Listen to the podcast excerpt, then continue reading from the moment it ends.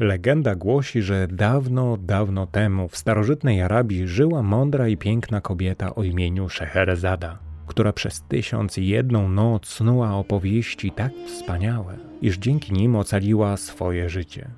Zbiór tych historii znany jest jako baśnie Tysiąca i jednej nocy. Czyta Andrzej Wierzchoń. Podcast Tata Baja. Podcast dedykuję mojemu synkowi Gabrielowi. Kiedy sułtan ułożył się wygodnie w swoim łożu, Szeherezada zaczęła opowieść. Podróże Sindbada żeglarza. Podróż piąta. Starzec z morza. Przez kilka lat żyłem sobie spokojnie w dostatku i zdążyłem już zapomnieć o okropieństwach, jakie mnie spotkały w pałacu króla kanibala oraz o grobowcu wydrążonym w klifie. W końcu jednak zatęskniłem za kolejną morską wyprawą. Wyjąłem pieniądze ze skrzyni, kupiłem trochę pięknego jedwabiu i udałem się do portu odnaleźć odpowiedni statek. Na nabrzeżu spostrzegłem wspaniały, nowy statek z lśniącym pokładem, wysokimi masztami i śnieżno-białymi żaglami. Kupiłem go bez namysłu, po czym zatrudniłem kapitana i załogę. Sześciu innych kupców zapłaciło mi za miejsce na pokładzie. Wyruszyliśmy w piękny dzień.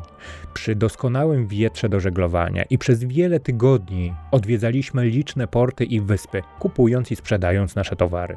Po jakimś czasie przybyliśmy do małej wysepki, Zeszliśmy na ląd, by odpocząć i nazbierać owoców. Gdy weszliśmy do lasu, między gałęziami mignęło mi coś białego. Jeden z kupców wspiął się na drzewo szybko i zawołał do nas z góry.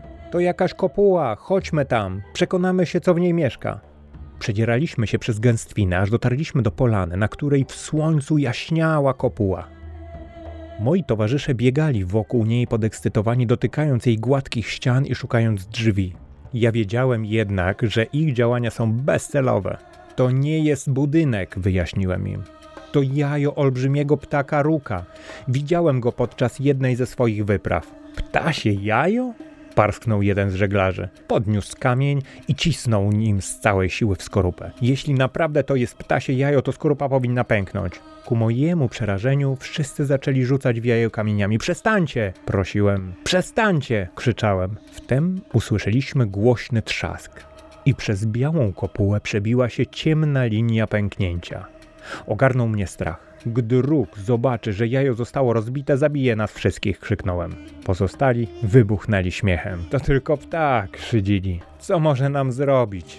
tej samej chwili słońce przysłonił ogromny kształt rzucający na nas rozległy cień. Gdy unieśliśmy głowy, zobaczyliśmy nie jednego, lecz dwa ruki zbliżające się do gniazda. Mężczyźni pobledli i szeroko otworzyli oczy ze zdumienia. Ruki wydały z siebie przeraźliwy, wściekły pisk. Wszyscy zakryli uszy dłońmi i skulili się ze strachu na ziemi. W nogi! wrzasnąłem i rzuciłem się do ucieczki. Ptaki zanurkowały w stronę polany, a mężczyźni rozpierzchli się we wszystkie strony, szukając schronienia pomiędzy drzewami. Biegliśmy do statku tak szybko, jak tylko się dało. Wpadliśmy na pokład i prędko podnieśliśmy żagle. Ruki nie dały za wygraną i leciały w naszą stronę, a każdy trzymał w dziobie potężny głaz. Pierwszy zatrzymał się nad statkiem i rzucił na nas kamień wielkości słonia. Kapitan chwycił ster i statek gwałtownie skręcił, przechylając się na bok niebezpiecznie. Kamień wpadł do wody centymetr dosłownie od naszej rufy. Ogromne fale, które wywołał pocisk, jeszcze bardziej pochyliły statek. Teraz już stał prawie pionowo, a marynarze spadli z pokładu wprost do wody. Ludzie za burtą! krzyknął kapitan, starając się za wszelką cenę odzyskać kontrolę nad statkiem. Wtedy jednak drugi ptak cisnął w naszą stronę kamień wielkości domu. Głaz spadł prosto na pokład, roztrzaskując go na kawałki. Do luku dostała się woda i statek zaczął natychmiast tonąć. Potem pierwszy ptak zrzucił kolejny głaz, tym razem wielkości pałacu, doszczętnie miażdżąc tonący statek. Usłyszałem jeszcze triumfalny skrzek ruków, po czym fale wciągnęły mnie pod wodę. Kiedy wypłynąłem na powierzchnię wśród dryfujących szczątków, byłem zupełnie sam. Fale zabrały wszystkich pozostałych pasażerów z mojego statku. Wspiąłem się na połamaną deskę, znalazłem jeszcze dwa kawałki drewna i zacząłem wiosłować. Szczęście jednak nie opuściło mnie. bo niedługo potem dopłynąłem do kolejnej wyspy. Wydostałem się na plażę, dziękując Bogu za ocalenie. Wyspa ta była cudowna, pełna tropikalnych drzew i fruwających między nimi kolorowych ptaków. Natrafiłem na strumienie z czystą wodą i drzewa z gałęziami ciężkimi od rozmaitych słodkich, pachnących żółtych i czerwonych owoców. Nazbierałem ich do woli i delektowałem się nimi. Poszedłem wzdłuż strumienia dalej, w głąb wyspy, aż za zakrętem ujrzałem starca siedzącego pod drzewem. Stanąłem zaskoczony, bo sądziłem, że wyspa jest kompletnie bezludna i powiedziałem do niego: Dzień dobry, Mężczyzna miał długie, siwe włosy i brodę, a wśród splątanych włosów tkwiły muszle i rozgwiazdy. Wpatrywał się smutno w wodę i nic mi nie odpowiedział. Czy dobrze się pan czuje? spytałem. Czy mogę jakoś pomóc? Mężczyzna spojrzał na mnie z ukosa i skinął głową. Wskazał palcem rzekę, następnie mnie, a na końcu siebie. Yy, czy chciałby pan, bym przeniósł pana przez rzekę? Próbowałem zgadnąć. Twarz starca rozjaśniła się i pokiwał potakująco głową. Wziąłem go więc na barana i zacząłem przechodzić ostrożnie na drugi brzeg. Starzec okazał się znacznie cięższy niż sądziłem. Zacisnął nogi mocno na mojej szyi, a kiedy przeszedłem przez rzekę, uklękłem, by postawić go na ziemi, ale mężczyzna tylko mocniej objął mnie nogami. O co chodzi teraz? spytałem. Kopnął mnie w żebra, jakbym był osłem czy koniem, po czym wskazał na pobliskie drzewo z owocami. Rozumiem, chce pan narwać trochę owoców dobrze. Poczłapałem w kierunku drzewa. Starzec zerwał kilka owoców i zaczął je łapczywie jeść. Sok kapał mi na włosy, na głowę i spływał na oczy. Czy mógłby pan trochę uważać? Poprosiłem obruszony. Znów starałem się postawić go na ziemi, ale on znowu ścisnął nogi wokół moich uszu tak mocno, iż sądziłem, że pęknie mi głowa. Jak długo mam pana dźwigać? Zacząłem się dopytywać. Kolejny kopniak w żebra skierował mnie na ścieżkę pomiędzy drzewami. Szedłem mozolnie, a starzec zrywał owoce i chrupał je nieśpiesznie. W końcu skończyła mi się cierpliwość. Dość tego! Musi pan ze mnie zejść, oznajmiłem. Przysiadłem i starałem się zrzucić go z pleców, ale on znów trzymał mnie tak kurczowo, że ledwo łapałem oddech. Ze wszystkich sił próbowałem wyrwać się z jego uścisku, ale starzec jeszcze mocniej zaciskał wtedy nogi. Upadłem na ziemię, nieomal tracąc przytomność. Gdy się ocknąłem, z przerażeniem stwierdziłem, że nadal oplatają mnie nogi starca. Kiedy zorientował się, że doszedłem do siebie, mruknął i zaczął buść mnie nogami w żebra, domagając się, bym wstał. Starzec przez cały dzień podróżował na moich ramionach po wyspie. Poprowadził mnie na polanę pełną dużych pomarańczowych owoców o grubej skorupie. Zerwał jeden z nich, po czym wyruszyliśmy w stronę potoku, którego dno pokryte było ostrymi kamieniami. Mężczyzna wskazał je i podałem mu kilka. Wziął jeden i użył go do rozkrawania owocu. Ja tymczasem ukryłem drugi kamień w kieszeni, sądząc, że może mi się wkrótce przydać. Starzec podał mi kawałek owocu. Z początku byłem zachwycony, myśląc, że usiłuje być dla mnie miły. Szybko jednak zrozumiałem, że jego zachowanie podyktowane było było praktycznymi względami. Nie będzie ze mnie dużego pożytku, jeśli zemdleję z głodu. Tak czy siak, owoc okazał się przepyszny. Jego miąższ był miękki i słodki, a w środku znajdowały się białe, chrupiące pestki. Gdy tak sobie jadłem, starzec zaczął mnie poganiać, chrząkając z irytacją, więc szybko połknąłem ostatni kęs. Słońce zaczęło się chylić ku zachodowi. Starzec pognał mnie do lasu, gdzie znalazł posłanie smchu. Położyłem się, a ze mną oczywiście mężczyzna, który nadal nie poluzował swojego uścisku. Zastanawiałem się, czy kiedykolwiek uda mi się uwolnić od tego pasażera. Przez całą noc nie zmrużyłem oka. Pod rozgwieżdżonym niebem wytężałem umysł, by obmyślić jakiś plan ucieczki. Rankiem znów zerwaliśmy kilka pomarańczowych owoców. Starzec zajął się jedzeniem, a ja za pomocą kamyka odkroiłem górną część skorupy i wyjąłem z niego miąższ. Gdy mężczyzna nakazał mi iść dalej, zabrałem wydrążony owoc ze sobą. Wieczorem, kiedy już spał, zebrałem trochę źdźbeł trawy, które rosły obok posłania i połączyłem je w sznur. Zrobiłem dziurkę w wydrążonym owocu i przywiązałem sznur do tykwy.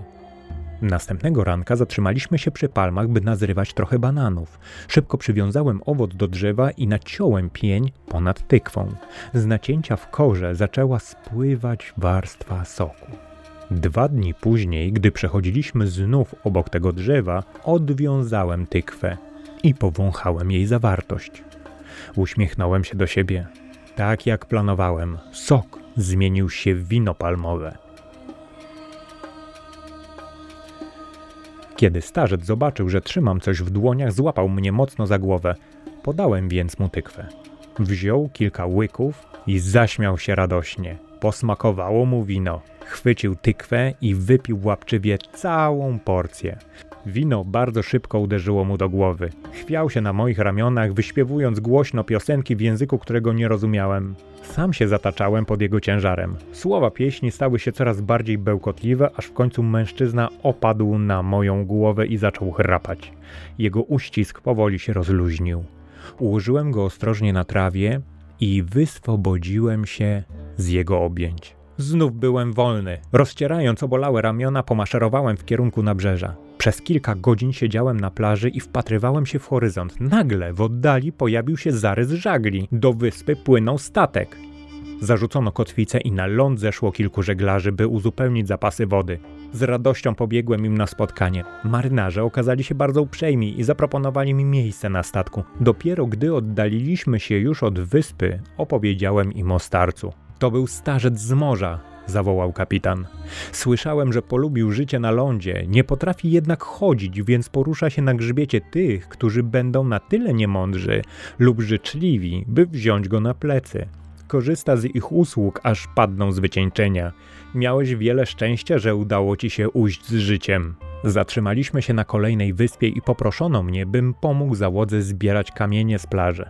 Potem udaliśmy się w głąb lądu, gdzie na drzewach baraszkowały setki małp. Marynarze zaczęli rzucać w małpę kamieniami. Z początku wydawało mi się to okrutne, ale po chwili domyśliłem się o co im chodzi. Zwierzęta darły się ze złości i w odpowiedzi ciskały w marynarzy kokosami. Wkrótce u naszych stóp leżało mnóstwo owoców. Zabraliśmy je na statek i popłynęliśmy do następnego portu. Akurat tam odbywał się targ. Sprzedaliśmy kokosy za pokaźną sumę pieniędzy. Zauważyłem, że prawie wszyscy na targu mieli na sobie perły. Zewsząd błyskały perłowe naszyjniki i pierścienie, mieniły się guziki z perłami oraz kosze z rączkami z masy perłowej. Zapytałem jedną z kobiet, jak to możliwe, że wszystkich mieszkańców stać na tyle kosztowności. Och, perły są tutaj niezwykle tanie, wyjaśniła. Przy brzegu jest ich tyle, że używamy ich do wyrobu rozmaitych rzeczy. Tego popołudnia za zarobione pieniądze kupiłem cztery worki pereł. Za resztę opłaciłem miejsce na statku zmierzającym w kierunku mojego domu. Podróż powrotna trwała bardzo długo, a podczas niej zobaczyłem wiele dziwnych i zachwycających rzeczy. Wieloryby tryskające fontannami mieniącej się wody, pływające na grzbietach wydry i kwiaty kwitnące pod wodą. Najbardziej jednak ucieszył mnie widok mojej ojczyzny. Obiecałem sobie, że zostanę już w niej do końca swoich dni. Szybko jednak zatęskniłem za podróżami, wkrótce zacząłem planować kolejną wyprawę. Szeherezada skończyła opowieść i zamilkła. Gdzie wybrał się w swoją kolejną podróż Sindbad? spytał sułtan. Szeherzada uśmiechnęła się. O to samo spytali Sindbada jego goście. On odpowiedział, że robi się późno i że usłyszą o jego kolejnej wyprawie następnego dnia. I ty możesz ją poznać, jeśli tylko pozostawisz mnie przy życiu. Dobrze więc, zgodził się sułtan. Daruję ci życie na jeszcze jeden dzień.